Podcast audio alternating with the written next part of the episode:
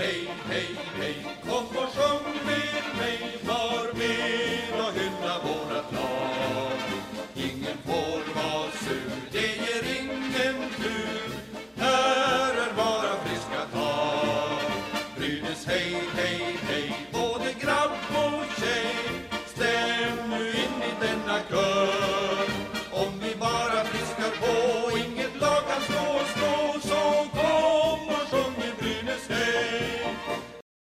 Varmt välkomna ska ni vara till Brynäspoddens 68 avsnitt. Det är inte illa Fredrik. Det är inte illa faktiskt. Tiden bara flyger på. Ja, det, det, börjar, det börjar närma sig. Eh, kanske till hösten har vi 100. ja, men faktiskt. Det är inte jättelångt kvar. Nej. Det är över hälften. Ja, men precis. Och eh, vi har ju en hel del att prata om. Men jag tänkte faktiskt att vi skulle börja med en shootout. Det måste vi faktiskt göra. Vi har ju fått en, eh, en, en till Tord Lundströmare i familjen. Erik Holmgren är det som har beslutat sig för att bli en i familjen här. Superstort tack! Ja, vi tackar ödmjukast till dig Erik. Eh, Det betyder otroligt mycket för oss och ni som inte har blivit Patreon än, ta en funderare och gå in på Patreon och eh, bli det tycker jag. Eh, det är otroligt värdefullt för oss och eh, väldigt viktigt för den här poddens utveckling. Vi hoppas snart kunna också visa vad Patreon faktiskt har gett oss för möjligheter att utveckla den här podden. Men det kommer till hösten. Ja, det ser jag fram emot jättemycket. Det ska bli jättekul att se vad, eh, vilken typ av utrustning som vi, som vi kan skramla ihop. Det ska bli kul oavsett om det är en, en, en studio eller om det är en liten ny mikrofon man får tag på. Ja, jag ser fram emot när jag slipper ha mina så här soffkuddar runt här för att försöka skapa något bra ljud som möjligt. Känner- Känner du inte att det skapar lite feeling? Poddfeeling? Ja, men det, känns, det känns som att det är på någonstans, någonstans känns som att det är på riktigt liksom. Att eh, fan, man går in för Ja, Eh, Men samtidigt så, eh, ja, man inser ju också att vi har ju inte rätta grejerna för att, för att få det perfekta ljudet så att säga. Nej. Och det behöver vi och den möjligheten kommer vi att få i framtiden tack vare våra Patreons. Så vill du vara med och stötta den här podden så glöm inte att eh, signa upp för en Patreon. Eh, och det absolut minsta vi begär av våra Patreons är 10 kronor i månaden. Och eh, ja, så att eh, men eh, om du inte vill bli Patreon så får du jättegärna stötta podden i alla fall. Vi har både en Twitter-kanal och Facebook-sida. Och sprid gärna till fler brynäsare att vi finns. ja verkligen. Och det är Brynäspodden på både Twitter och på Facebook. Ja, men precis. Men du Fredrik, Mm. vi eh, mådde ganska dåligt förra avsnittet. Ja, det var väldigt upp och ner var det. Ja, Det var lättat men lite konstig magkänsla. Ja, och det var en, en inspelning som jag någonstans kände att jag kände mig ganska, alltså så här, det, det blir så jobbigt när man eh, så här, direkt efter en kval då köra en poddinspelning. Men eh, vad jag har fått av våra lyssnare så har det varit väldigt uppskattat i alla fall, så det tackar vi jättemycket för. Är det så? Eh, ja, ja, men, ja, men jag vet inte, men jag tror att eh, de eh, någonstans så, eh, jag vet inte, de kanske kände igen sig i våra känslostormar där och att vi pendlar från att vara glada till att vara förbannade. Ja, att- men precis. Det, det är det jag att- minns från det avsnittet. Det var väldigt mycket upp och ner, högt och lågt. ja det, var, det, det, var spä, det var spännande att spela in det. Jag vet knappt själv vad jag har sagt för något. Nej. Men nu har vi ju fått en vecka, kanske lite mer till och med, på oss att landa. Hur har du bearbetat det här? Jag har njutit väldigt mycket. Jag har kunnat titta på eh, slutspelet och, och tycka att det är kul. För att se att jag har inga känslor i det här. Jag kan bara vara objektiv och titta om det här var snyggt eller om det här var... Vilka, vilka är bra lag? Vilka kommer ha en chans på att vinna någonting? Sen, sen måste jag säga att jag är inte ett fan av den här uppsättningen som finns nu i SHL. Att ett SHL-lag måste åka ut. Så mycket av mina tankar har gått till att jag tycker synd om HV. Ja, nej, men jag själv har känt att eh, jag har nästan tagit ett kliv bort från hockeyn ett par dagar. Jag kände mig, jag var helt matt efter den här kvalserien. Eh, och jag tror att jag har fått personlig rekord i människor som har mejlat och hört av sig och vill eh, med massa åsikter. Väldigt mycket kloka tankar måste jag ändå säga. Men jag har varit bedrövlig på att svara. Och jag vill bara be om ursäkt till det. Eh, men jag har läst allting i alla fall. Och det finns otroligt många kloka tankar där ute. Men jag har känt liksom, jag har varit helt, alltså jag har varit så trött och bara känt att jag behöver ta avstånd från Brynäs i några dagar. Ja. Eh, så det är inte förrän nu typ som jag typ har i princip läst i kapp allt som står kring ja, det lilla som faktiskt har kommit ut då, för att det har varit väldigt mycket locket på från Brynäs sida, vilket jag kan väl tycka att det är väl i grunden ganska klokt, även om jag förstår att många journalister upplever en frustration för att någonstans så vill man ju ha besked från föreningen och jag tror att många fans och medlemmar och supporter och sponsorer vill ha besked från föreningen. Mm. I det läge som man är så förstår jag att det har varit väldigt mycket locket på i alla fall. Mm. Ja, jag kan också förstå det och det, det makes sense gör det även om man sitter här och är väldigt... Uh, vi vill bara veta vad är, det, vad är det man jobbar på när man är så tyst? Låt oss, låt oss vara en del av det men, men vi får lite förståelse nu att det, det pågår nog väldigt mycket i, på kontoren där. Ja men verkligen och eh, ja men lite har vi har ju ändå kommit fram. Jag tänker vi, vi har ju lite liten punkt med program som vi behöver ta oss igenom. Mm. Eh, vart ska vi börja?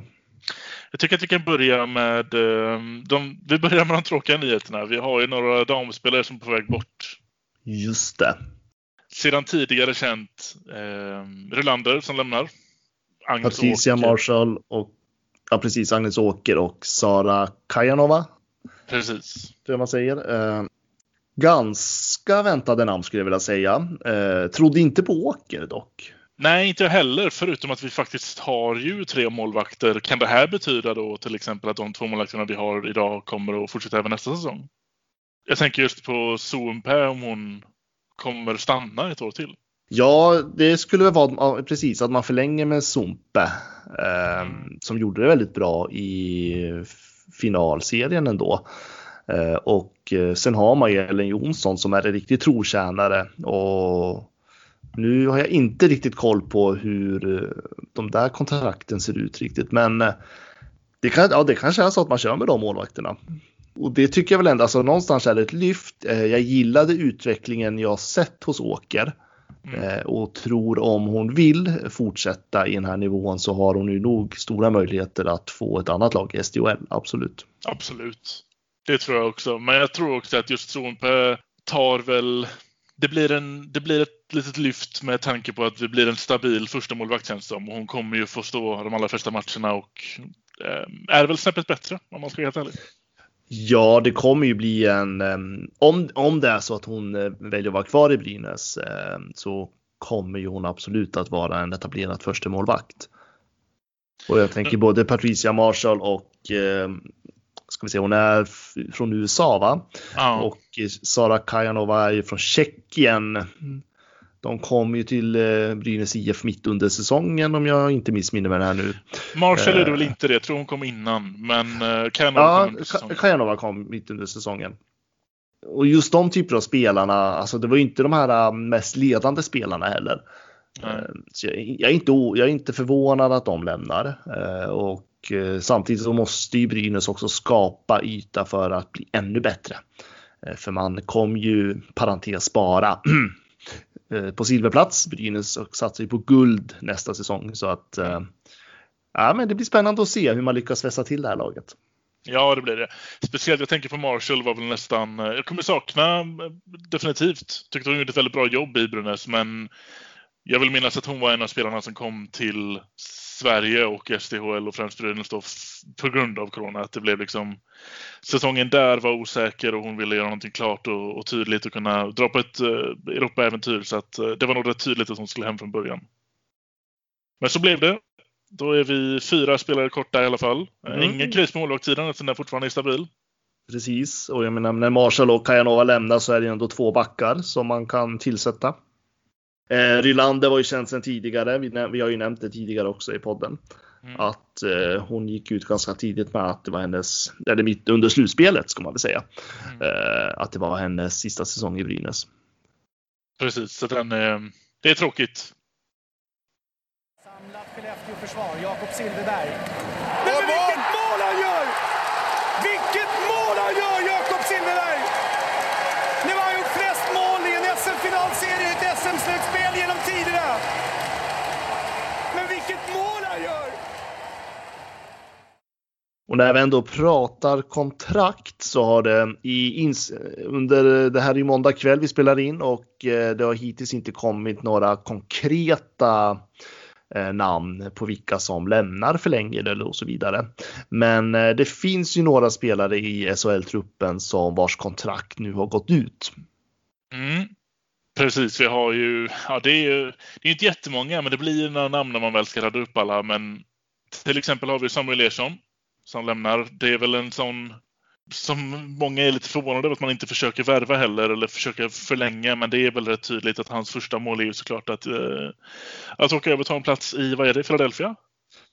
Ja, och jag tänker någonstans att eh, i det här läget är det nog ganska vågat om man skulle försöka satsa på honom.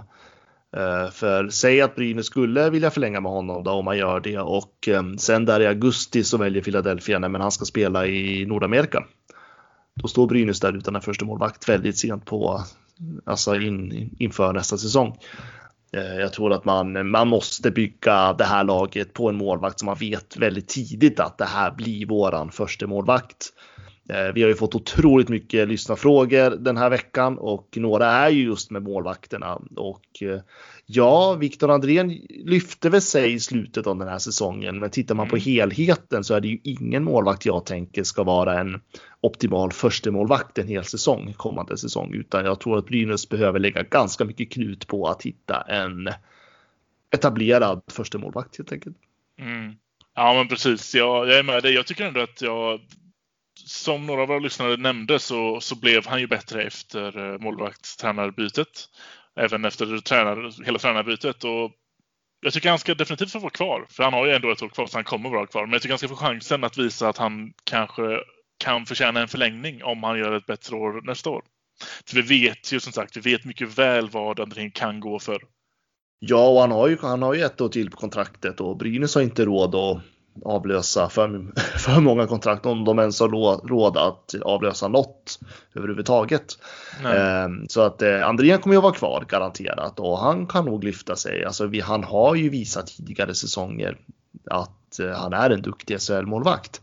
Eh, Men eh, Brynäs måste lägga krut på en ersättare till Ersson. Och det är någonting jag kommer följa väldigt spänt måste jag säga. Mm, det ska bli väldigt spännande att se hur, man, eh, vad man, hur mycket krut man lägger på det eller om man förväntar sig att man Ska man chansa på Andrén eller kommer vi lägga stenhårt på att det Nej, ska man ska inte chansa på Andrén. Det vore galenskap. Ja, absolut. Men eh, det är inte vi som bestämmer. Nej, jag vet, men fan, Brynäs behöver en, en riktigt bra målvakt. Och med det säger jag inte att Andrén ska sitta på och nöta bänken hela säsong, men vi behöver en riktigt bra målvakt för Samuel Ersson är en av de största anledningarna till varför Brynäs spelar i SHL i år. Eller nästa säsong. Gud ja. Ska vi radda upp några andra namn här då? Ja, men det kan vi göra. Vi, vi går in på backarna nu då. Ja, det kan vi göra. Då har vi ju Niklas Andersén ska ut, Chad Billings och Josef Ingman. Är det någon här du känner att eh, nej, nej, han måste stanna? Chad Billings skulle jag gärna vilja se kvar.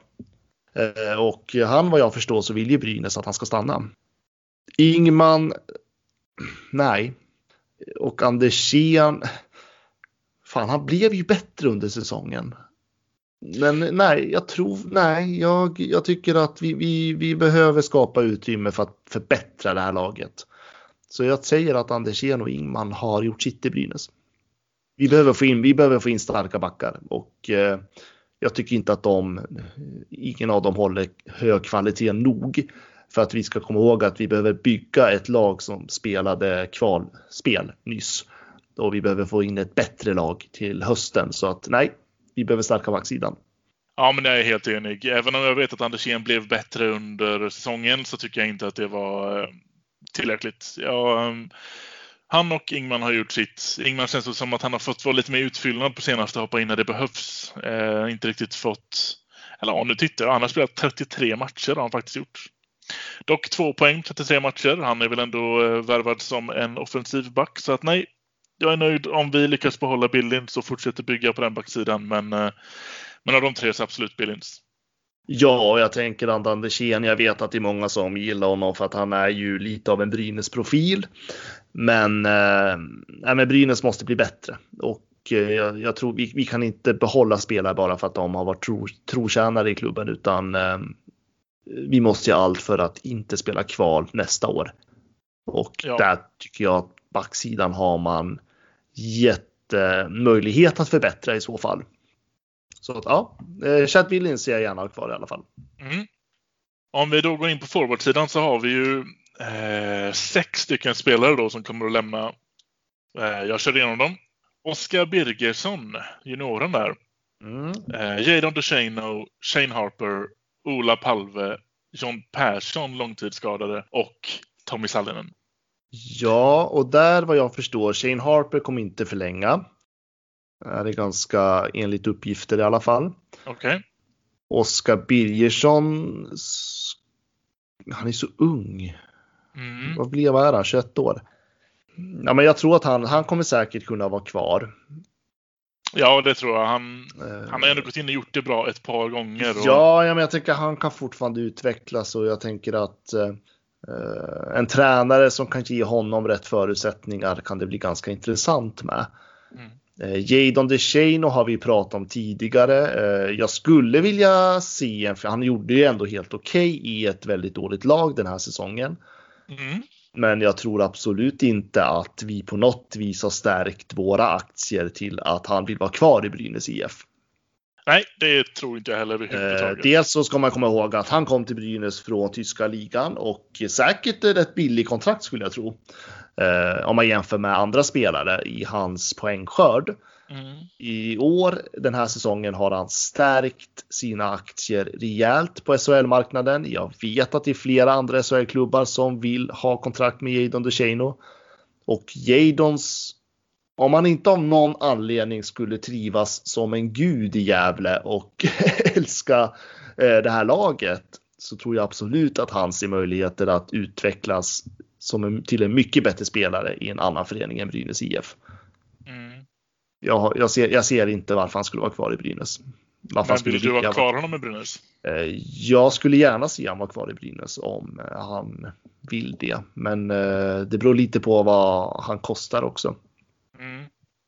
Ja, nej, jag håller inte med. Jag tycker att eh, av det jag sett av honom så det är precis som du säger, sa förra avsnittet, att han är säkert en sån spelare som när han kommer till en ny, eh, ett ny klubb så kommer han säkert blomma ut och så kommer han säkert bli poängkung i SHL eller någonting. Jag vet inte. Många spelare har ju den tendensen att göra så. Jag tror inte att han i det laget som vi har med de typerna av spelarna på kontrakt fortfarande kommer att göra en speciellt revolutionerande förändring. Jag, eh, jag tror både för oss och för hans skull kommer han göra sig bättre i en annan klubb. Ja, ja men alltså han, han, äh, han är ju född 95 va?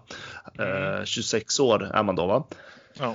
Uh, jag menar han är fort, en, en ålder där han fortfarande kommer kunna utvecklas. Jag menar han, han har ju sin prime om två, tre år och uh, har gjort ett gigantiskt kliv på de här två säsongerna i SHL och det finns andra SHL-klubbar som är ute efter honom.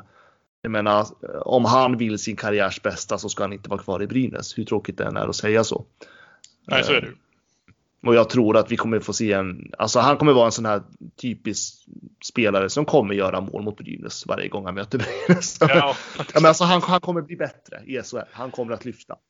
Eh, tror jag. I rätt klubb och rätt miljö. Och det finns andra klubbar där man utvecklas bättre just nu. Som mm. hockeyspelare, Brynäs IF. Ja, och det är ju lite det. Precis. Han behöver ju den lilla guidningen lite för han, han vet ju, han har hittat målet. Han vet ju vart den sitter. Jag menar, han gjorde ju 51 poäng, eh, 51 poäng på 52 matcher i tyska ligan. 50 poäng på 41 matcher i schweiziska ligan. Så han, han kan göra poäng. Det är inget dåligt år han hade i Brynäs heller. 32 på 52 i svenska ligan. Det är inte dåligt. Det är inte dåligt för att vara andra säsongen inne på den här nivån. Och, eh, I ett bottenlag. I ett bottenlag och det är det. Jag tänker alltså jag skulle vilja, alltså, om, man, om, man, om vi bortser från Brynäs, hur mycket vi älskar och vill att den här klubben ska gå bra. Som enskild spelare så skulle jag jättegärna vilja se Jadon DeShano i ett topplag och se hur mm. han skulle prestera där. det hade varit Precis. jävligt kul att se den skillnaden. Ja, och också en läxa för att se hur vad är det vi misslyckas med för att få en spelare som kan nå den här nivån och inte göra det hos oss? Eh, Men jag tror, jag tror rätt upp och ner inte att han kommer att göra en bättre säsong om vi behåller honom ett år till. Så att för min del så, eh, så får man gärna låta, släppa honom. Mm, mm.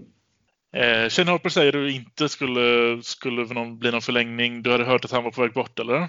Ja, det var någonting, om det var några privata skäl som gjorde att han inte ville vara kvar eller kunde vara kvar. Okej. Eh, något sånt. att- Några sådana spekulera i uppgifter den, finns i alla fall. eh, Ja, så att jag, jag, jag tror att man, man ville väl förlänga med honom, men eh, det är närmare med Chad Billings. Okej. Eh, Då har vi Ola Palve till exempel. Det är lite snack om om man ska ta över hans... Eh, han är ju på lån och han har ett år till i Linköping. Linköping, och det är snack om man vill ska ta över det kontraktet. Vad har du känt kring det?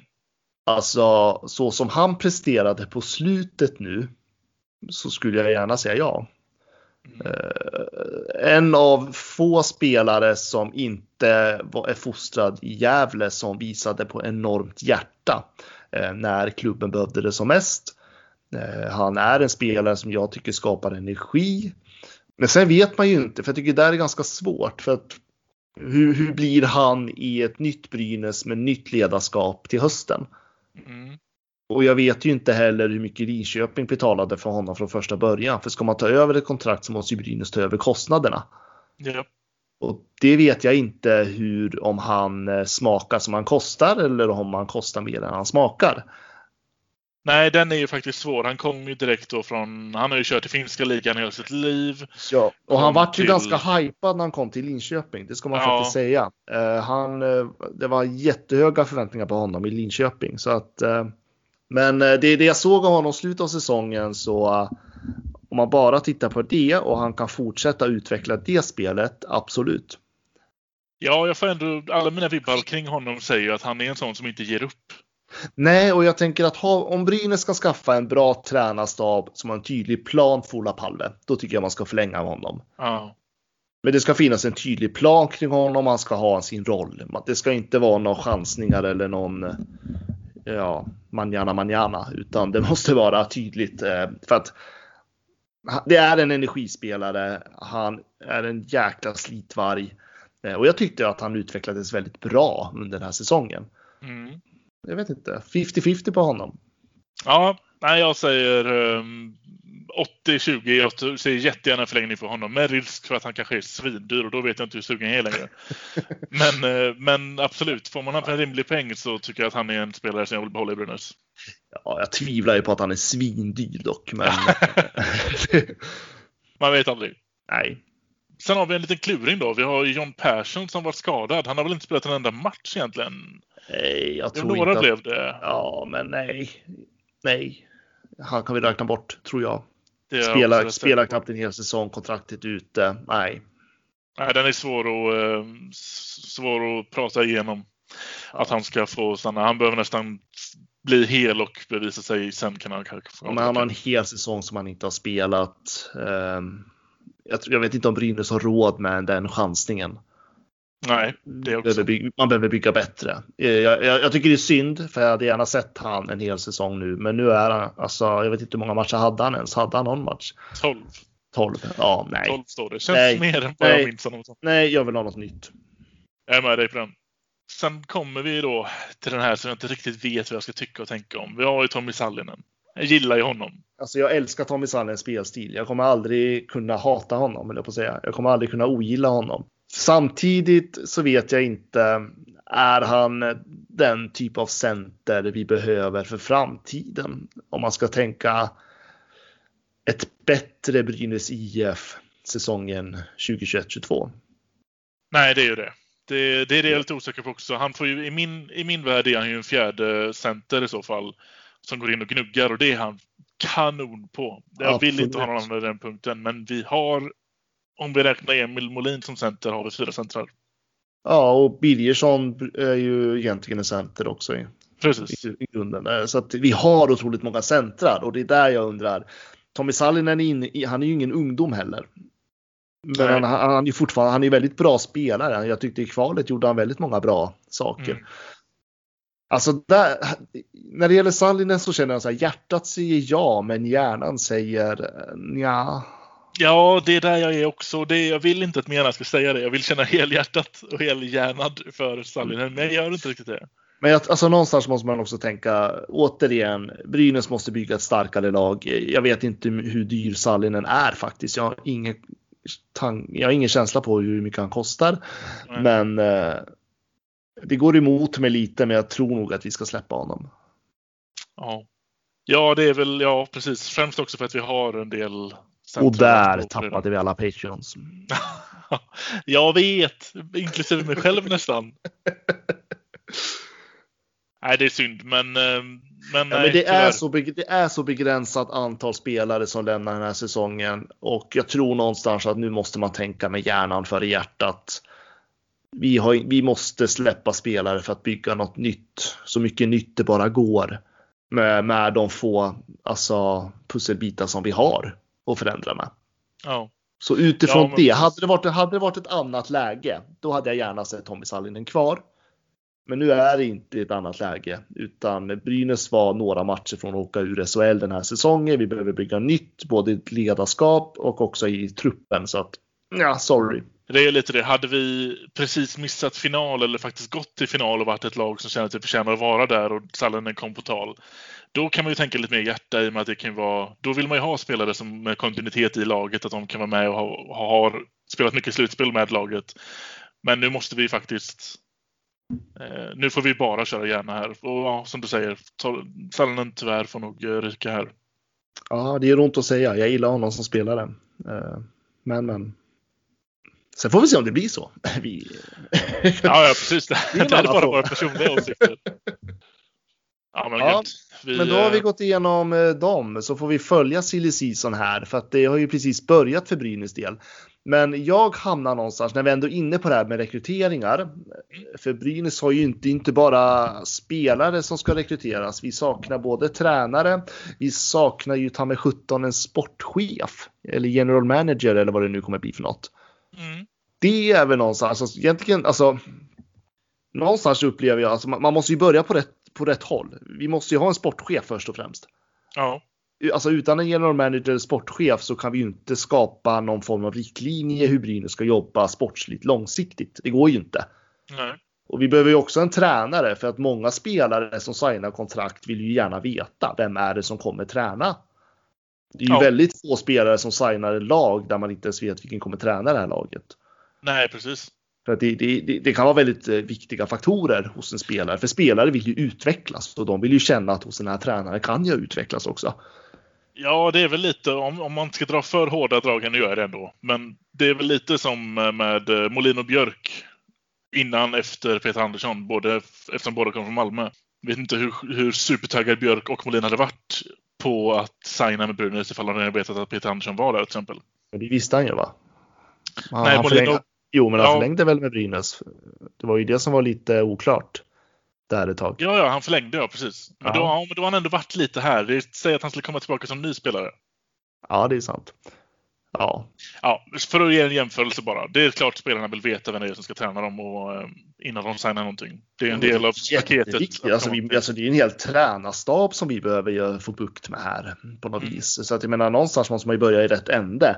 Uh, och jag menar en general manager eller sportchef.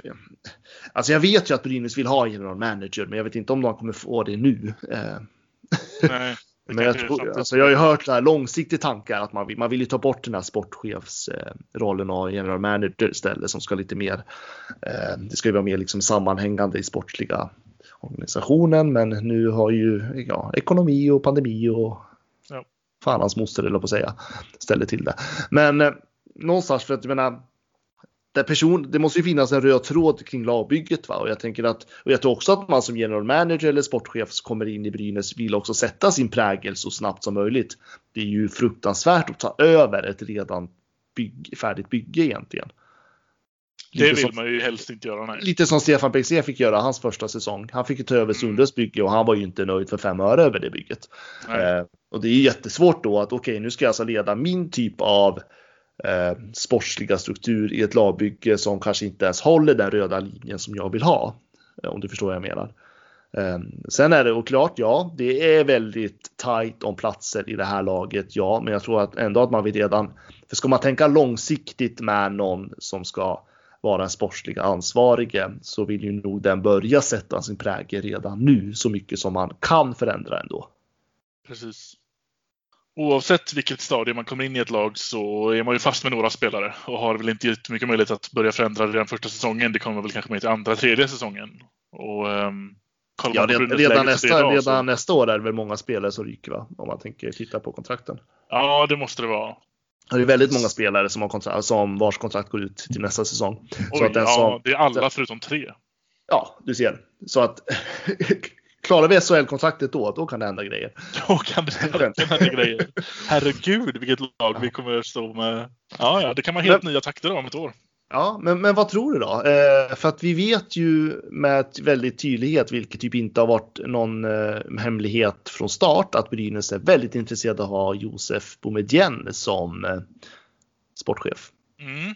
Vad säger magkänslan? Magkänslan säger att det är en, eh, det är en skön... Alltså jag gillar hans attityd, jag gillar hans sätt att prata och kommunicera, vilka ordval han väljer och sådär. Magkänslan säger, eh, fan spännande, det verkar som en bra kille som jag vill ha i organisationen.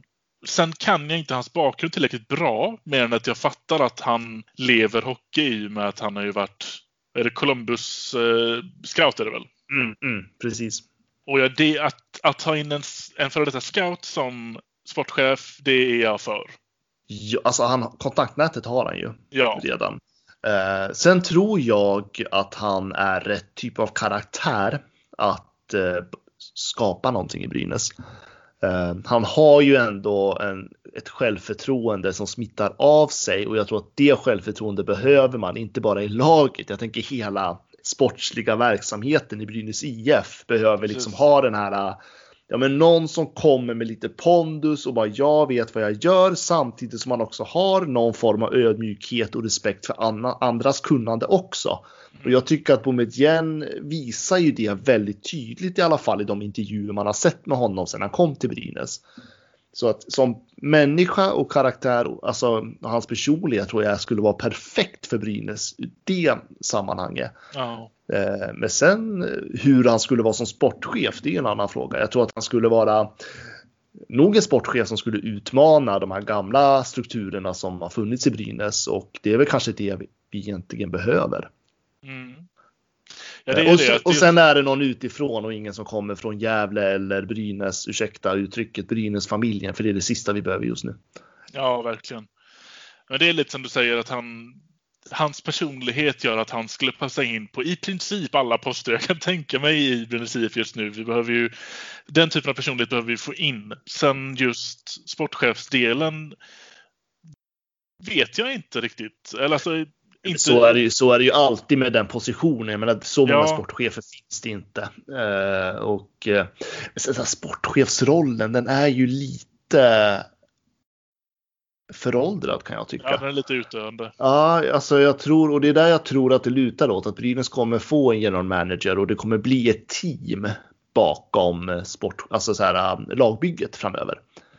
Eh, jag vet att man har, man har ju redan haft det nu egentligen. Man har ju alltid haft ett rekryteringsteam bakom. Men jag tror att det kommer bli mycket tydligare framöver. Mm. Det är mm. den utvecklingen vi ser. Så jag, jag hoppas på honom. Jag, jag, det skulle vara jätteintressant. Men eh, det visar sig. Det kommer säkert ut den här veckan nu när vi släpper podden. Mm. det brukar alltid vara något sånt. Det kommer ut nu. Precis. Ja, vi får Oavsett om jag är rätt eller fel här så vill jag bara ha lite, lite ny info. Vad händer inifrån eh, väggarna? Ja, jag vet, det är fruktansvärt tyst nu. Men, men eh, för urfrågan, magkänslan, den är god. Ja, nej, men jag, hopp, jag hoppas på Boumedienne. Från ingenstans Leif, det går inte! Han gör mål! Vilka handleder, vilken spelare! Från en sportchef till en annan då. Det snackas ju väldigt mycket om eh, att man nu vill flytta fram eh, Erika Grams roll har man ju använt ordvalen för. Jag vet inte riktigt, vet vi vad det innebär? Eh, lite tvetydigt va? Samtidigt så, alltså. Jag tycker att det är bra att man lyfter, lyfter fram positionerna på just en karaktär som Erika Gram. Eh, nej, hon ska inte bli sportchef för SHL-laget. Eh, hon ska fortsätta utveckla damverksamheten. Eh, men jag tror absolut att hon kan göra jäkligt bra i ett centralt håll inom Brynäs IF. Mm. På vilket sätt och hur det ska se ut, det vet jag inte. Ingen aning. Men jag är ändå glad att man lyfter upp en sån individ som återigen inte är från Gävle, kommer med nya infallsvinklar, väldigt seriös person, väldigt driven och eh, noga i sitt arbete. Mm. Det är den bilden jag får när jag pratar med folk runt omkring. Eh, Ja, jag, jag, förstår, jag förstår att man vill lyfta fram henne inom position och jag tror faktiskt på den idén väldigt, väldigt, väldigt väl. Jag tror också på den idén väldigt väl just eftersom att hennes personlighet gör ju att alltså hon är en doer. Hon ser till att få saker och ting gjort som hon vill enligt hennes plan. Hon pekar liksom med hela, med hela handen när någonting behöver göras. Och just inom damverksamheten just nu så är det väldigt tydligt. Ju mer pengar man väljer att lägga på den delen, ju mer kan man göra och då vill man ju definitivt ha någon som Erika i spetsen av den förändringen för hon kan få väldigt mycket gjort. Ja men verkligen och nej, men det ska bli väldigt intressant. Jag har just nu eh, jag har ingen aning om eh, vad det är för roll hon ska få. Eh, men jag hoppas få reda på det under veckan. Mm. Jag ska försöka ta reda på det i alla fall. Ja, det får du jättegärna göra. De har hintat lite, eller man har hintat lite om det, men, men oklart vad det är man menar än. Så att, eh, ja, men just nu, ja, men just nu tror jag att, alltså, jag tror att, eh, jag tror inte att någonting är satt i sten överhuvudtaget i, när det gäller någonting inom Brynäs just nu. Eh, man är i ett läge man behöver bygga nytt, man behöver bygga om. Eh, det är många positioner som har, som har, eh, vad ska man säga, det finns vakanser i Brynäs IF. Så måste man säga. Ja, eh, både på kommunikationsdelen, det finns vakanser i marknad. Eh, det är många som har lämnat föreningen och eh, jag tror att det är jättepositivt för Brynäs IF. För nu har man verkligen chans att bygga nytt. Man har raserat det gamla och nu finns det tillfälle att börja bygga nytt. Inte bara från ledningen utan även de som jobbar under ledningen och jag tror väldigt mycket på det. Mm. För det har behövts kan jag säga.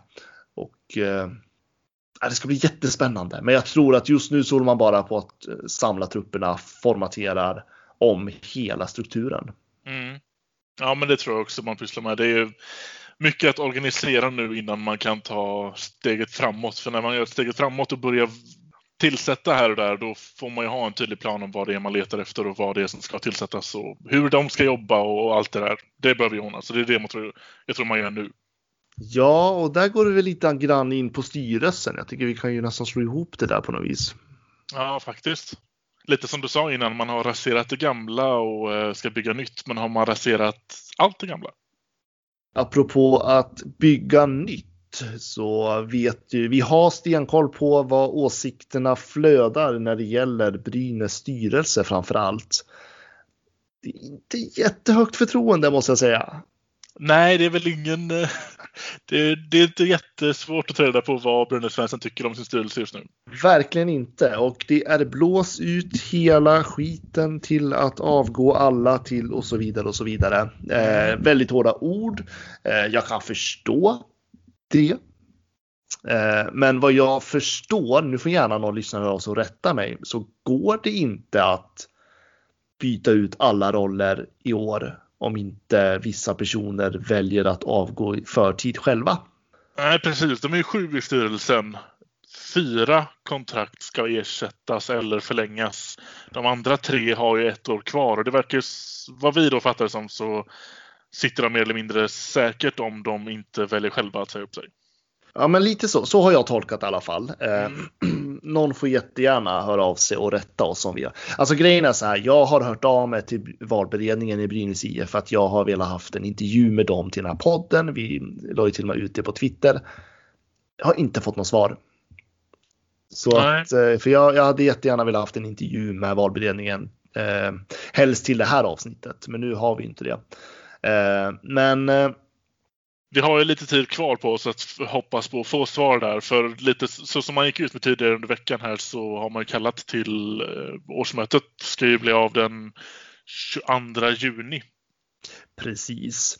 Och det som, de som står för omval det är ju ordförande Jürgen Lorenz. Mm. Eh, sen är det ju då styrelseledamöterna Mats Östling, Per Johan Johansson och Malin Eriksson. Mm. Har du någon koll på de personerna? Nej, inte någonting mer än Lorenz. Nej, det är lite så det brukar vara. Nej, jag, jag, har ingen koll heller riktigt vilka alla de där personerna är och eh, men det, det, jag känner, det jag känner någonstans så här att eh, om man går från på individ till individ så är det jättesvårt att säga vad den personen står för när det kommer till arbetet kring Brynäs IF. Men jag hoppas någonstans att man som styrelseledamot i det här fallet inser att eh, rollen jag bär på just nu och den här eh, konstellationen som finns i dagens styrelse inte har medlemmarnas förtroende. Mm. Har man inte den insikten, då skulle jag bli ganska oroad på personerna som faktiskt sitter i styrelsen idag. Ja. Sen, kan, sen kan inte jag tala om vilken som borde avgå som individ, för jag vet inte ens vad de här står för. Eller det kan ju vara så att det är någon stackare som kanske har sagt de här sakerna som vi har velat ha i alla år, men som blir nedröstad. Ja, men precis. Alltså, man vet ju inte det, va? Men det, det som jag tycker ändå har varit tydligt är att eh, den här konstellationen i styrelsen har ju fungerar ju inte för att det, det har ju sipprat ut kritik mot den också från personer som både har suttit i den, som har jobbat under den och det här är liksom ingenting nytt. Alltså jag har ju hört det här tidigare också. Och därför blir jag lite så här, om man är i en position just nu där man ska, vad jag förstår, förklara för valberedningen om man tänker ställa upp på omval eller om man ställer sin plats till förfogande så måste någonstans släpp prestigen, säger jag. Mm. För att man har, alltså, man har ju inte medlemmarnas förtroende.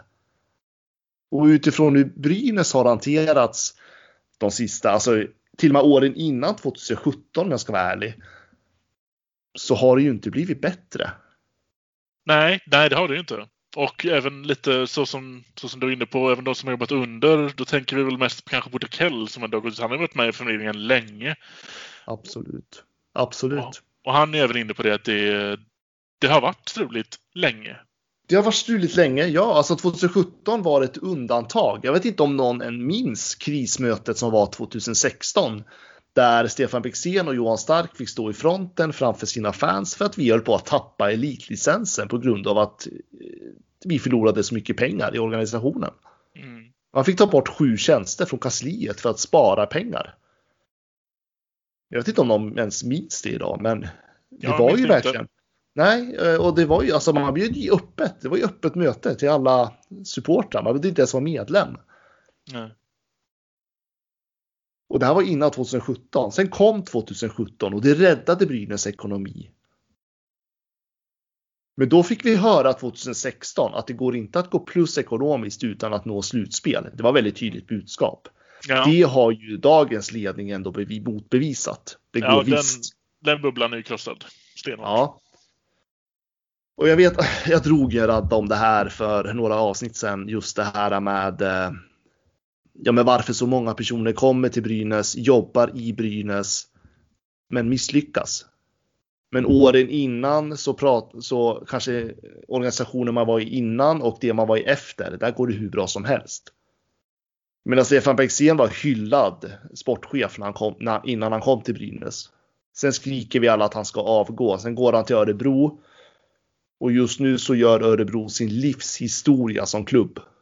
Ja, de har väl aldrig varit i semifinal innan? De har aldrig varit i semifinal. De har, alltså Örebro har aldrig varit bättre än vad de är nu. Nej.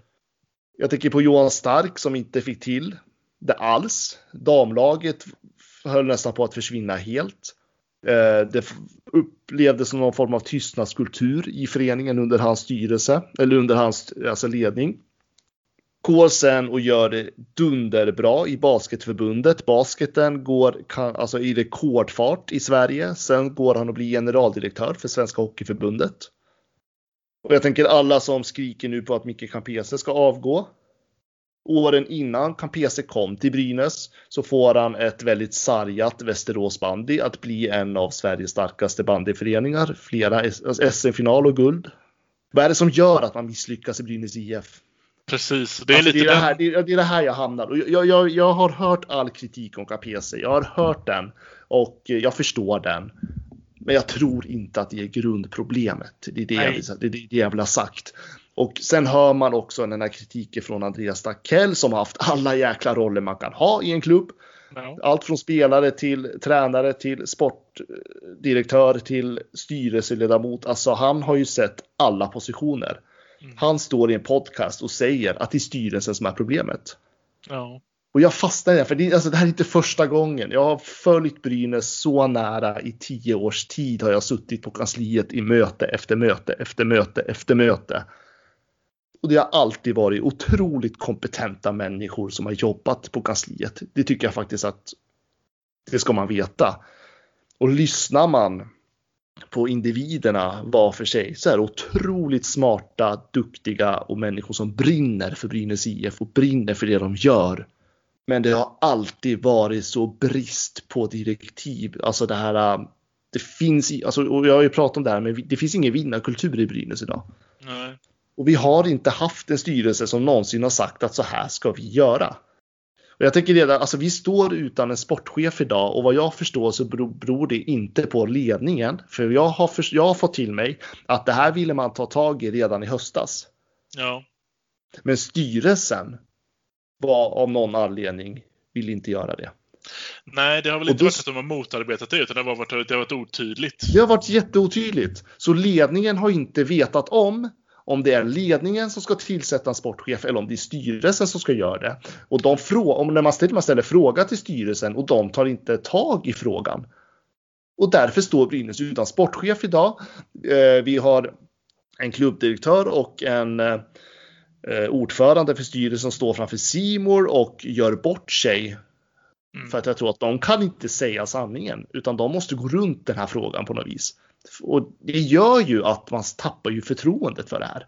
Och därför, alltså hur jag än vrider och vänder och jag tänker att någon gång måste jag försöka gå ut med alla kort på borden till er lyssnare och jag vet inte om jag ska skriva någonting eller något. Jag kommer alltid tillbaka till styrelsen. Mm. Och jag, jag, jag vet, styrelsen är inte de som jobbar operativt. Men det är de som ska ge direktiven. Ja, precis. Det är ju det som är, det är det som blir så jobbigt att veta att det är många som skriker att man vill rensa huset och ut med den här och den här och den här, men men det är som du säger, det är kompetenta människor. Det, det går ju inte att singla ner till, Skulle man kolla på allas CVn, ja, då vill vi antagligen behålla alla. Om man kollar ner på personnivå. ja, det är ju och, dynamiken. och jag tycker att det blir så tydligt. För sen när de lämnar Brynäs och går till nästa organisation eller en ny förening. Så går det bra igen. Ja, Och det är det och jag tycker liksom, och det här har vi sett i tio års tid. Någonting hände efter guldet 2012. För det var då man tappade den röda linjen när det gäller sport, det sportsliga arbetet. Och det, är där, och, det är där jag någonstans också känner att eh, problemet ligger liksom högst upp i hela organisationen och det har syrat ner till varje del i föreningen på något vis. ja det är den här ot- otydligheten i och med att... Ja, nej, jag vet, ja. Jag, jag tror att det, det har varit stört omöjligt att göra en förändring i Brynäs IF. Jag tror att det satte käppar i hjulet för Stefan Bengtzén. Sen kom han till Örebro som är en mycket yngre förening som fortfarande letade efter sin identitet och kanske var mer öppen till att faktiskt göra någonting för att få till en identitet. I Brynäs har man pratat om det men man, och man, vill, man har alltid pratat om att man vill ha en förändring. Men det är väldigt få i organisationen som vill vara en del av förändringen. Ja, För så fort du, för att är, sitter du i en roll och du har gjort det i 15 års tid i kansliet och tycker att du är ganska nöjd med det. Så kommer någon och säger att du ska jobba annorlunda. Det blir väldigt jobbigt va?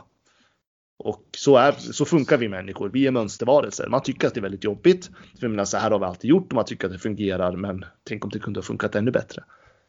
Ja, och det är ingenting som är specifikt för Brynäs IF heller. Förändring på ställen som har haft ett Ja, men- fungerande... Gå till en arbetsplats. ja, men jag tänker så här, gå till en arbetsplats och gör en omorganisering så ska du se på vad som händer i grupperna. Det blir Exakt. livat och det kommer bli röster som är emot. Och jag tror att det har varit så i Brynäs och jag tror att alla som har kommit in i föreningen för att vilja gjort förändringar klarar inte det. Och jag tror inte att styrelsen har varit kapabel heller till att ge ledningen den stöttning som behövs. Det är i alla fall, alltså det är de jag har fått. Sen om det är någon som säger emot, gör det. Men då vill jag höra det argumentet också. Men det är den bilden jag börjar få. Och jag tycker att den blir tydligare och tydligare. Nej, men och jag, och jag tycker någonstans, alltså för att jag, jag, förstår att alla skriker avgå alla. Jag förstår att alla säger att man ska blåsa ut och jag köper det argumentet eh, fullt ut. Men eh, man ska ju tänka på att så fort vi ska ta bort någon så måste vi tillsätta med någon ny och då måste vi veta vad vi tillsätter med också. Och vi kan inte ta bort alla samtidigt. Vi kan inte stå med en fullständigt helt ny någon typ av kontinuitet måste vi ha någonstans. Och så som det ser ut just nu så vill alla blåsa ut allt. Ja, ja, ja. Det, det går ju och, bara inte. Eh, det går otroligt mycket rykten och eh, uppgifter höger och vänster om allt och alla som jobbar i Brynäs IF just nu. Och jag, jag tror att jag har hört allt. Eh, ja. Och eh, mycket kanske stämmer, andra inte. Men jag tror någonstans att man bara tar ett steg tillbaka och eh, fundera på liksom de som är röstberättigade i Brynäs IF i år. Ska nog ta en funderare på hur de ska göra sin röst helt enkelt på årsmötet. Ja, precis. och, har man att... och har man kandidater så hör av sig till valberedningen. Just det, precis. För det, det är, de... lätt att, det är lätt att skrika att alla ska avgå, men har vi inget alternativ så blir det väldigt svårt. Exakt det gick man även ut med där när man samlade till årsmötet att det är, allt ska vara inne 30 dagar innan årsmötet. Så eh, 22 maj har vi betänketid fram till. Och har man kandidater så eh, ge det till valberedningen. Och jag tror att vi fick någon fråga där också. Hur, vi har ju fått otroligt många lyssnarfrågor. Vi kommer säkert in på det sen. Vi kommer inte kunna svara på alla heller för det har varit. Alltså jag tror aldrig vi har varit med om så här många frågor. Nej, det, det här är nog rekord. Eh, men jag tänker vi kan ju försöka svara på så många just nu. Men jag tänkte för det var ju någon som ställde frågan vad vi anser att en ordförande ska ha för kvaliteter. Ja, den är, den är ju svår. Um, vad känner du? Alltså, det här är väl helt ärligt eh, den eh, del av Brynäs IF som man kanske kan minst om. Mm. För att en styrelse ska ju ha otroliga kontakter till näringslivet bland annat. Eh, och det lär ju en ordförande ha också. Det måste också vara en ordförande som vet hur stora organisationer ska fungera. Det ska vara en eh, ordförande som eh, kan samla ihop en styrelsen och har styrelsens fulla förtroende naturligtvis. Men också ett ordförande som ska finnas där för ledningen som ett starkt stöd. Mm. Och samtidigt kunna hantera media och visa ett, eh, alltså ge förtroende när man går ut i media. En förtroendegivande person faktiskt. Ja, det är någon form av större affärsledare vi letar efter. Ja. alltså. alltså någon som kan, det optimala hade ju varit någon som kommer från någon eh, sån här riktig kedja liksom.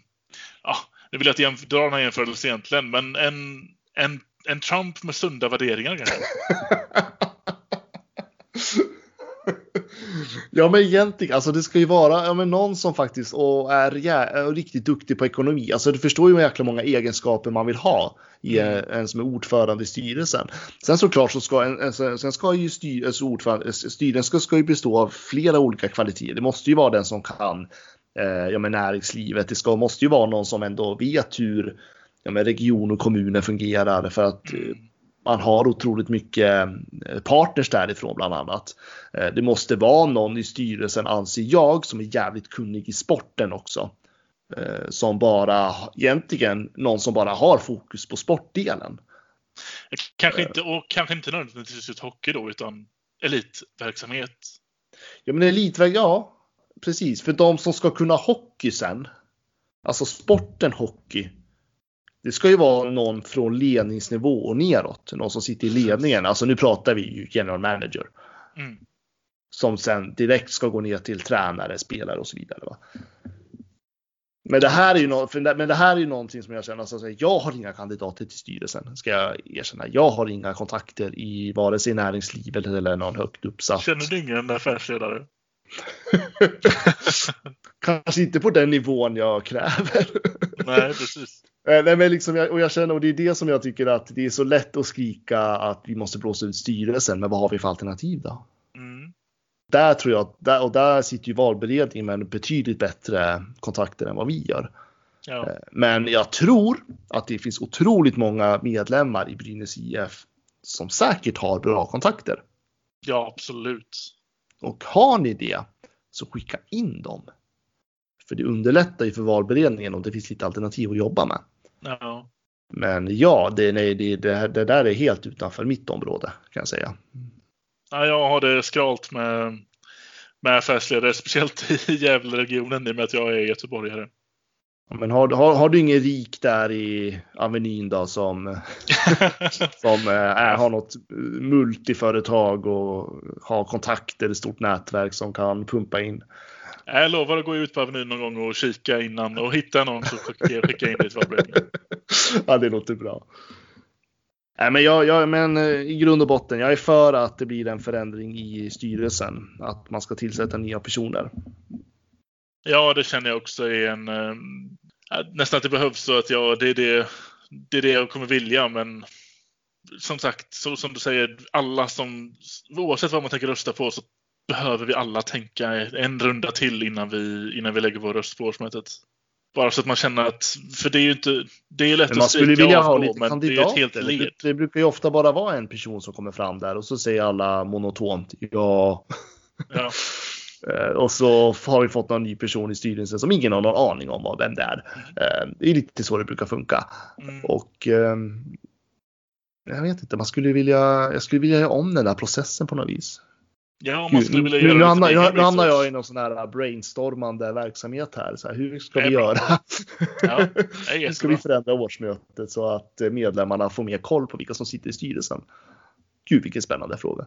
Ja. Det här är föreningsdemokrati deluxe. Ja, Det här låter som eh, början av en eh, ny motion från Viktor Ahlberg. Ja, jag vet inte, jag ska nog inte ställa till det för mycket i den här föreningen. jag, jag tror att jag gör det bäst när jag står bredvid och bara tycka egentligen. Ja, du får låta de andra ett ett år. Sen, sen tar Ja, men, ja, men ja, jag tycker att de kunniga ska nog gå in och göra något. Mm. Sen, sen, kan, jag- sen får jag gärna åsikter. Det, det är jag bra på. Nej, jag tror vi kommer nog inte vidare i den här diskussionen. Utan, eh, men som återigen, känner du någon som skulle vara jäkligt bra i styrelsen? Hör av dig till val, valberedningen. Ja, verkligen. Men allvarligt talat Leif Boork, du håller på med hockey i 600 år. Hur skjuter karln? Hur skjuter han? Han skjuter väldigt bra, han skjuter väldigt hårt, han skjuter väldigt pricksäkert.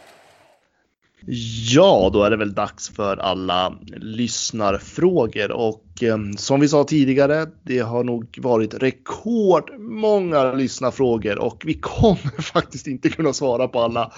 Eh, det skär lite i hjärtat att säga det faktiskt, men det är för många frågor och vissa frågor kräver lite mer research också måste jag säga.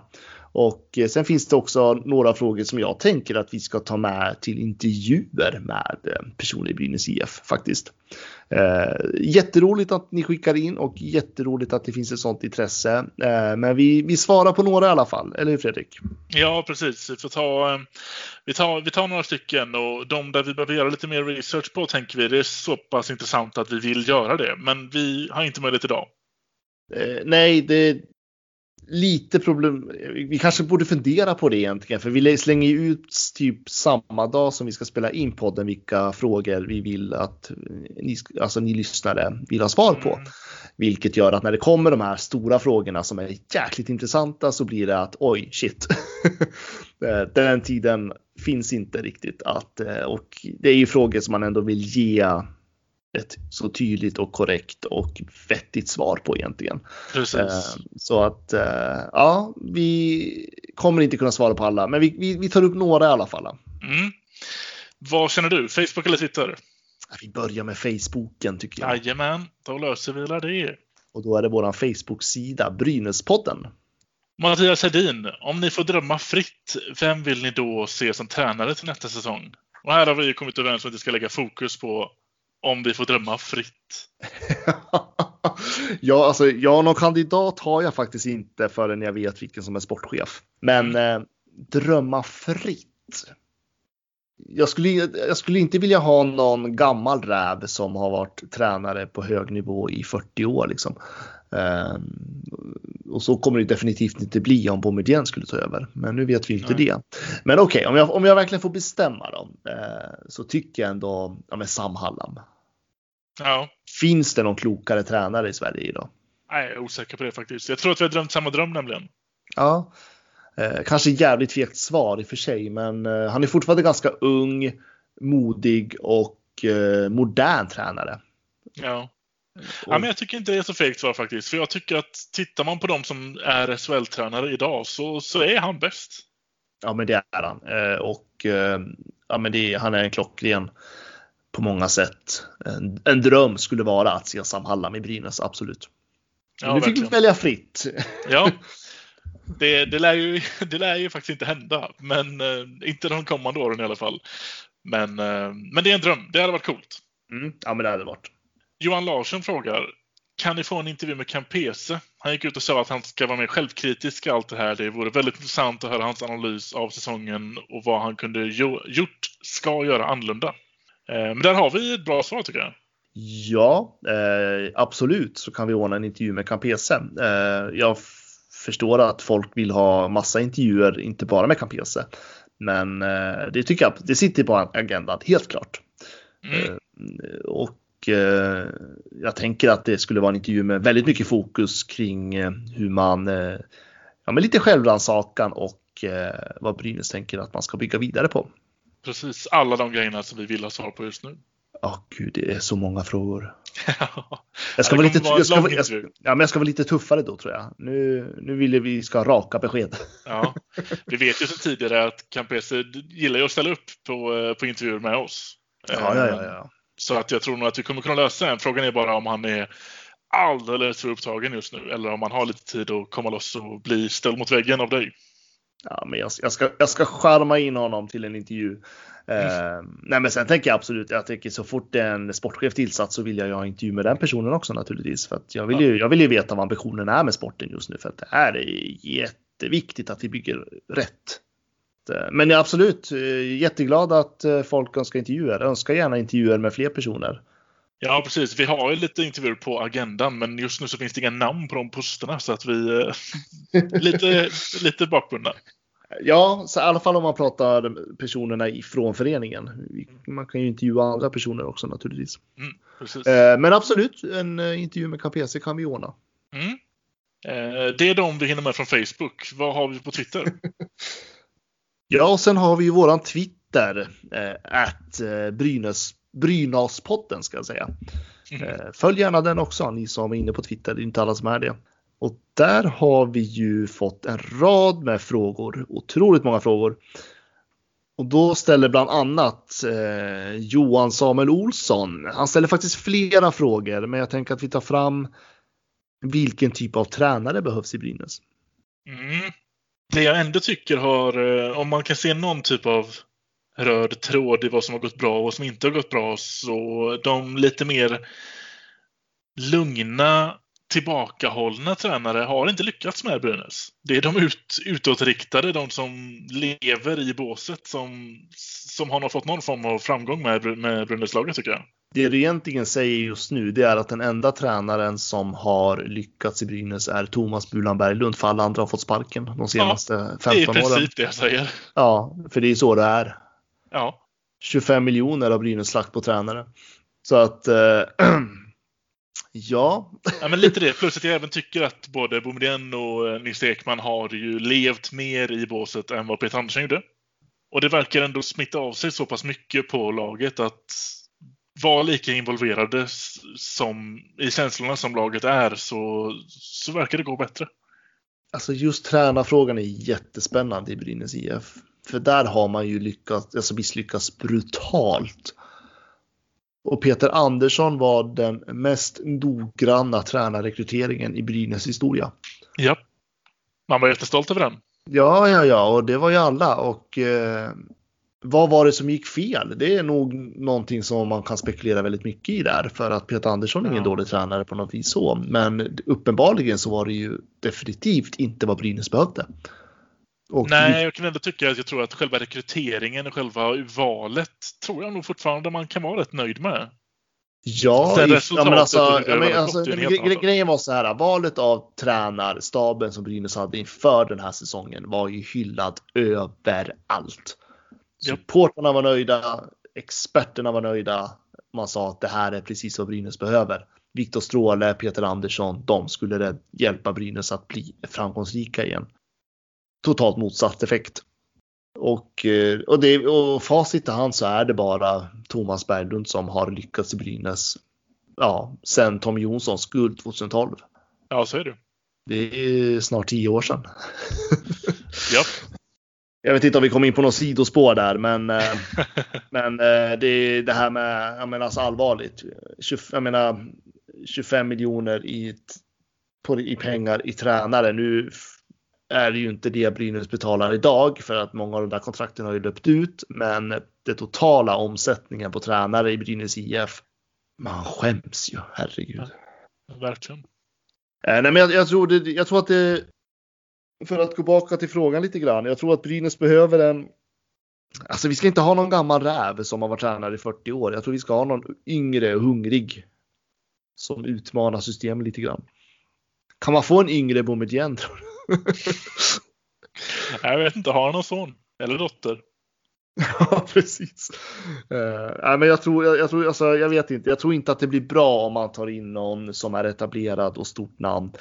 Samtidigt så har vi redan provat lite mindre tränare och det har inte blivit bra. Men fan, det är en svår fråga alltså. Något får du komma fram till. Jag har inget rakt svar just nu känner jag. Nej, men jag tycker ändå att det var en, en delvis svar på frågan i alla fall. Att det ska inte vara någon gammal, någon, det ska liksom inte vara en... ehm, Ja, men ingen gammal räv som är fast Nej. i någon gammal struktur som hockeyn var på 90-talet liksom. Bork. Eh, ja men typ. ja men Bork, Molin, eh, Peter Andersson, ursäkta. Men, Mm. eh, utan det, det, må- det måste vara någon eh, spelare eller någon tränare som dels begriper hur ledarskapet måste funka hos unga individer idag och sen en ledare som också begriper att eh, det blåser stormar i Brynäs vid motgång och du måste hantera det. Så att det är det är en jättesvår fråga. Jag har inget exakt namn just nu. Fy fan vilket tråkigt svar jag ger. Inte, inte helt kast, men inte det bästa ett. Nej, nej, jag känner nu att jag bara eh, bara går ut på ett hal is här och snart så bara spräcker det för att Ja, Vi ser om nästa fråga kan eh, rädda det. vad jag pratar om. Ja, vi tar nästa fråga. Eh, Vi har ju svarat på väldigt många frågor. Ja, det har vi gjort faktiskt. Ja. Eh, Henrik Strid ställer frågan Brynäs självbild och hur föreningen bränner pengar på sparkade tränare som vi var inne på kunde ha gått till annat. Eh, han ställer ju faktiskt flera frågor här, men vi börjar med Brynäs självbild, men det har vi också varit inne lite på. Eh, eller har vi det? Eh, Ja, jag vet att jag har varit inne på det för länge sedan. Det är väl inget som Ja. har ändrats i den självbilden direkt heller. Nej, men okej, där, vill- där vill jag ändå förtydliga en grej. Eh, apropå självbild. Brynäs ska inte hoppa från att vara ett bottenlag till ett topplag och tro att man gör det på två säsonger. Nej, Någonstans måste man bygga. Jag tror att jag sa det förra avsnittet också. Att eh, man måste strukturerat och successivt flytta fram sina positioner i svensk hockey igen. Eh, man kan inte leva på bilden att man är en stor klubb med många fans i hela Sverige och tro att man kan göra succé bara att det blåser lite medvind utan jag tror att man från organisationens sida och neråt hela vägen till eh, båset och spelarna på isen. Man måste göra det hårda jobbet. Den process Rögle har varit inne på som gjort att de är så framgångsrika just nu. Den process Örebro är just nu mm. det hårda jobbet. Att man får inte, och jag vill inte höra just nu om ett SM-guld om två år, ett SM-guld om tre år. Utan man måste ta steg för steg. Inga jäkla genvägar och ingen stor ambition. Eh, absolut, det finns möjligheter om Brynäs gör rätt val. Men någonstans måste man från hela föreningens göra om den här jäkla självbilden att vi ska ta snabbt och bli ett topplag igen. jag tycker, jag tycker att vi, Brynäs har stressat klart som förening just nu. Mm. Man ska, Ja. komma ihåg, man ska komma ihåg att det tog tio år för morgondagens Brynäsare att ge SM-guldet 2012 till exempel. Ja, både det och man måste ju vända på den här bilden av att man måste göra Brynäs till en topp tre organisation. Kommer ett samtal från Brynäs sportchef, hej, vi kollar på dig och är sugna på att skriva kontrakt med dig, så måste det ge en, mycket bättre känsla i magen för den spelaren än vad det gör idag. Oh ja.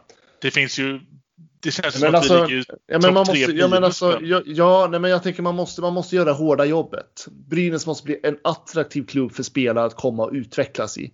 Precis. Man måste bli en attraktiv klubb igen. Alltså, återigen, vässa till morgondagens Brynäsare. Jag säger inte att man ska ha samma system som man hade innan 2012 för att hockeyn ser lite annorlunda ut idag. Men vi måste ha en fungerande hockeyskola, både bland juniorer och bland SHL-spelare. Det måste vara en attraktiv klubb. I Brynäs IF ska man utvecklas som hockeyspelare. Det gör man inte idag. Och för att nå dit så måste man göra det hårda jobbet. Man måste få in rätt typ av folk. Det måste, vara, det måste finnas det här hela engagemanget från styrelsen, ledning och neråt. Alltså jäklar vad man var bestämd med morgondagens Brynäsare och hela den verksamheten. Och man trodde på det, man stod för det och det gav resultat. Och tittar man historiskt på alla gånger Brynäs har byggt en eh, framgångsrik era. Om det så är 10 år, 20 år eller bara 3 år. Så har det varit för att man har jobbat på ett sätt där man faktiskt från hela föreningen tror på det man gör. Och det har inte jag känt i Brynäs IF sedan 2012. Jag var så jäkla splittrad. Så jag tror någonstans att från grunden samla ihop hela föreningen och ta steg för steg för steg. Prata inte fyra SM-guld hit och något SM-guld dit. Bygg någonting från grunden den här gången. Det Ja, precis. Åker hellre ut i fyra raka i kvarten än att spela en till, alltså för evigt, än att spela en till kvalserie. Ja, fast vi har ju åkt ut fyra raka i kvarten i tio år, bortsett från en kval och en SM-final. Ja, men det, är ju, det, är ju, det är ju, vore ju en positiv förändring jämfört med det som vi är på väg mot just nu. Ja, men så är det. Ja, men så är det. Men det är ju någonstans att men det är ju där jag menar att vi ska inte hamna där att vi inte, vi ska inte heller vara där att vi åker ut fyra raka i kvarten år efter år efter år. Utan det måste ju finnas den här grunden i, i föreningen, i hela den här sportsliga eh, röda tråden. Att eh, okej, okay, nu har vi förlorat en kvartsfinal. Bra, då tar vi nästa steg nästa säsong och kommer till semifinal. Jag förstår att det är det man ville med treårsplanen, tioårsplanen. Men jag tror att man pratade alldeles för höga målsättningar och hade en väldigt splittrad sportslig orga organisering under. Mm. Och no, det är där, alltså, man måste börja på rätt, på rätt håll någonstans. Ja, men precis. Och det var lite det jag menade med det. Att, alltså, att rätt håll nästa säsong vore att åka ut med huvudet rak, före i fyra raka i kvarten. Det är ju ett fall framåt. Gud vad det där lät jättekonstigt i mitt huvud. Ja, men, men jag, jag, jag, jag, förstår vad du menar. Ja. vad du menar. och säsongen efter det kanske vi kan göra en kvartsfinal eh, kämpig, ta det till sju matcher kanske. Året efter det går vi till semifinal. Alltså, så länge vi går i rätt riktning, för det har vi inte gjort nu sen, ja med undantag 2017, så har det inte gått i rätt riktning sedan 2012. Nej, vi har... Nej. Eh, Bryta i och för sig, trenden och gå åt andra sportsligt så- hållet. ja, det såg väl ganska bra ut 2013. Va? Vi kommer fyr, plats fyra i serien i alla fall två år i rad. Men vi kom fan inte långt i slutspelen. Eh, ja, men efter 2015 har det ju fan inte gått bra för Brynäs. Så måste jag säga, helt ärligt. Eh, I ser, inte ens i var, vare sig grundspel eller slutspel. Och eh, man, man, man, alltså man tappade ju den sportsliga tråden där 2013-14. Och man har inte hittat tillbaka. Så att nej, börja med grovjobbet säger jag bara. Ja, verkligen. Hamnar vi på något Var sidospår det här igen, ens ett svar på frågan? Jag vet inte. Jag måste gå tillbaka. Ja, Eh, Ja, men det var med självbilden att göra. Eh, Jättestor det. Ja, men det hänger ihop. Ja. Eh, och sen tog ju Henrik Strid då som, ja, som ställer frågan om självbilden. Han tog också upp med sparkade tränare, men det har vi ju varit inne på. Eh, han vill också att vi ska ta upp hur ser det ut på juniorfronten? Vill ens ungdomar i Gästrikland spela för Brynäs? Eh, där kan jag svara bestämt ja. Ja, Det finns inget hetare som junior och ungdom i Gästrikland att spela för Brynäs IF. Alltså så skadat inte Brynäs. Nu då får vi, nu får vi lugna oss lite. Ja, det är väl ännu mer känsla att man vill väl vara en del av, av uppåtsvängen igen. Nu ser man ju, tittar man ju bara på Brynäs att det är en nedåtgående trend. Man vill väl vara en del av att ta uppåt och vända den och, och ta mot segrar istället. Ja, och alltså jag tänker inte bara det. Vi ska komma ihåg att Brynäs IF är flaggskeppet i Gästrikland, hela Gävleborg måste jag väl säga egentligen. Ja. Inte bara Gästrikland. Eh, fortfarande ett urstarkt varumärke. Eh, ett, det är väl fortfarande topp 10 i Sverige av alla idrottsföreningar. Vi har en sargad bild av Brynäs IF nu och Brynäs IF har en lite skev självbild. Men det är fortfarande en stark förening. Eh, vi behöver bara plåstra om oss lite grann. Ja, vad, vad, snäll jag lät nu. Men, nej, men alltså för ung, som en ungdom idag och spela för Brynäs IF, det är jävligt hett. Det är, så är det. Sen så kanske man kan diskutera som plantskola så har vi kanske inte Brynäs är det första valet i Sverige. Men är du en Gästrike pojke och uppväxt i Gästrike hockeyn, absolut drömmer om att få spela i Brynäs ingen snack om saken. Men, jag, men, jag, men sen är ju frågan om någon talang från Gotland väljer Brynäs för Frölunda till exempel. Precis, det var vi också lite inne på innan, att det behöver bli attrakt mer attraktivt att, att vilja välja Brynäs. Ja, men precis så att eh, det är olika. Eh, men eh, så och nästa fråga ställer också hur är intresset för hockeygymnasiet? Jag har inte hört något annat än att det fortfarande är stort, men det finns andra, andra föreningar i Sverige som såklart har gått om om man tänker attraktivt. Så, så är det. Men det är fortfarande starkt. Poddtiden går och vi får så många frågor. Hinner vi med ja, fler? En snabb till. Uh, en snabb till. Uh, ja, men Micke Norén. Uh, han nämner Gunnar. Mm. Gunnar som är, han var väl hjärnan bakom valet av Nils Ekman och Josef Boumedienne bland annat. Det. Eh, och det är väl han som också gjorde den här utred interna utredningen där man kom fram till ett och annat. Gud vad jag är nyfiken på den här utredningen förresten. Um, äh, men han undrar, bör Brynäs försöka få honom kvar i någon roll? Frågetecken. Mm. Den är lite svår i och med att han ska ju verka som oberoende inom organisationen och inte, han, han kom in för att göra en oberoende undersökning och ska vi behålla honom? Ja, ska vi behålla honom blir han ju inte längre oberoende. Jag vet inte om det står och faller på det visserligen. Han har ju uppenbarligen kvaliteter som, som väl alla vill ha. Uh, ja, jättesvår fråga. Uh, nej, men jag vet inte. Alltså, man kan ju vara delaktig i föreningen utan att ha en officiell roll i föreningen. Uh, också, jag menar, så, och, och, så är det väldigt många personer som har. Eh, och så är, ser det ut i alla föreningar.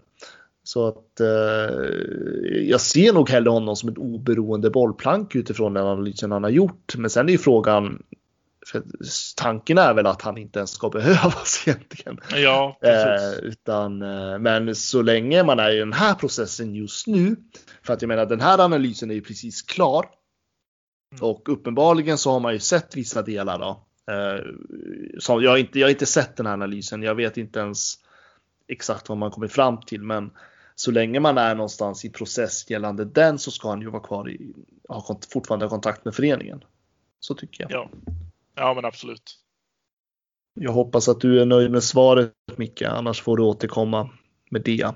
Eh, alltså tiden går, jag, vet inte, jag tror inte att vi hinner med några fler frågor. Nej, det, det blir nog ett uh, lite längre avsnitt än vad vi hade tänkt från början också. Ja. Men det finns så mycket att prata om också. Ja, men det var, blir det nästa vecka. Ja, ja, ja, och det var så många bra frågor som kom in och det gällde både ja, men, spelare, rykten och, och så vidare. Ja, några frågor kommer vi ju till och med som vi inte har kunnat svara på kommer vi själva vilja ta med oss. Eh, kanske inte just till nästa, men vi kommer vilja ha med oss dem för att det, det är spännande frågor som vi bara behöver eh, gräva ner oss lite i först. Ja, jag vet en fråga jag kommer ta med till nästa vecka i alla fall, men jag säger inte det nu. Nej. Gör lite Helgardering, snyggt. Så. Uh, ja, men uh, Fredrik, det vart en podd den här veckan också. Jajamän. Uh, och vi hoppas att under den här veckan som kommer nu att vi får lite mer klara besked från Brynäs IF. Jag ska själv försöka ta kontakt med personer i föreningen faktiskt och höra lite grann. Mm. Och jag ska jaga på valberedningen. Jag vill, jag vill ha en intervju med dem. Eh, är det någon från valberedningen som lyssnar på den här podden så får ni gärna höra av er i så fall. Mm. Annars så kommer jag höra av mig till er. Coolt hade det varit. Eh, Man vet aldrig. Eh, Jag vet att det är personer som har suttit i valberedningen tidigare som lyssnar på oss i alla fall. För att det har jag fått mejl om. Ja, Flera gånger faktiskt. Jag har varit jättedålig på att svara alla. Gud, alltså jag ber om ursäkt generellt. Men jag, jag ska bättra mig. Ehm, ja men vi har fått lite, nu, det har varit en, eh, det har, bara- det har gått en vecka sedan vi eh, faktiskt klarade SHL-kontraktet. Du får ett free pass den här veckan, men nu får de på upp på hästen igen. Ja, jag vet, men jag har slarvat lite tidigare också. Okej. Ja, nej, men det har varit mycket. Eh, jag, jag ska bättra mig, jag lovar. Eh, men då så, då får vi väl tacka för kaffet för den här gången och eh, som vanligt var jättetrevligt att eh, prata med dig Fredrik. Jag hoppas att våra lyssnare också detsamma. tycker att eh, vår lilla diskussion här har varit givande och eh, är det något så är det bara att höra av er till oss. Vi är lyhörda för både kritik och beröm, ska man väl säga. Ja, absolut. Båda är lika välkomna. Ja, absolut, fast helst beröm. Ja, helst. Det är mycket trevligare så. Tack för att ni har lyssnat och på återseende. Eh, Visst var det mål? För de, de ringer Ja, på det ja, nu. ja. Men visst Ja, var den ja, inne? ja. Det, det har ju repriserna i någon mening visat. Va? Ja, ja, ja. Men de ska ringa för säkerhets skull. Och här kommer Sören Persson ut och dömer mål. Ja. Då är det bekräftat.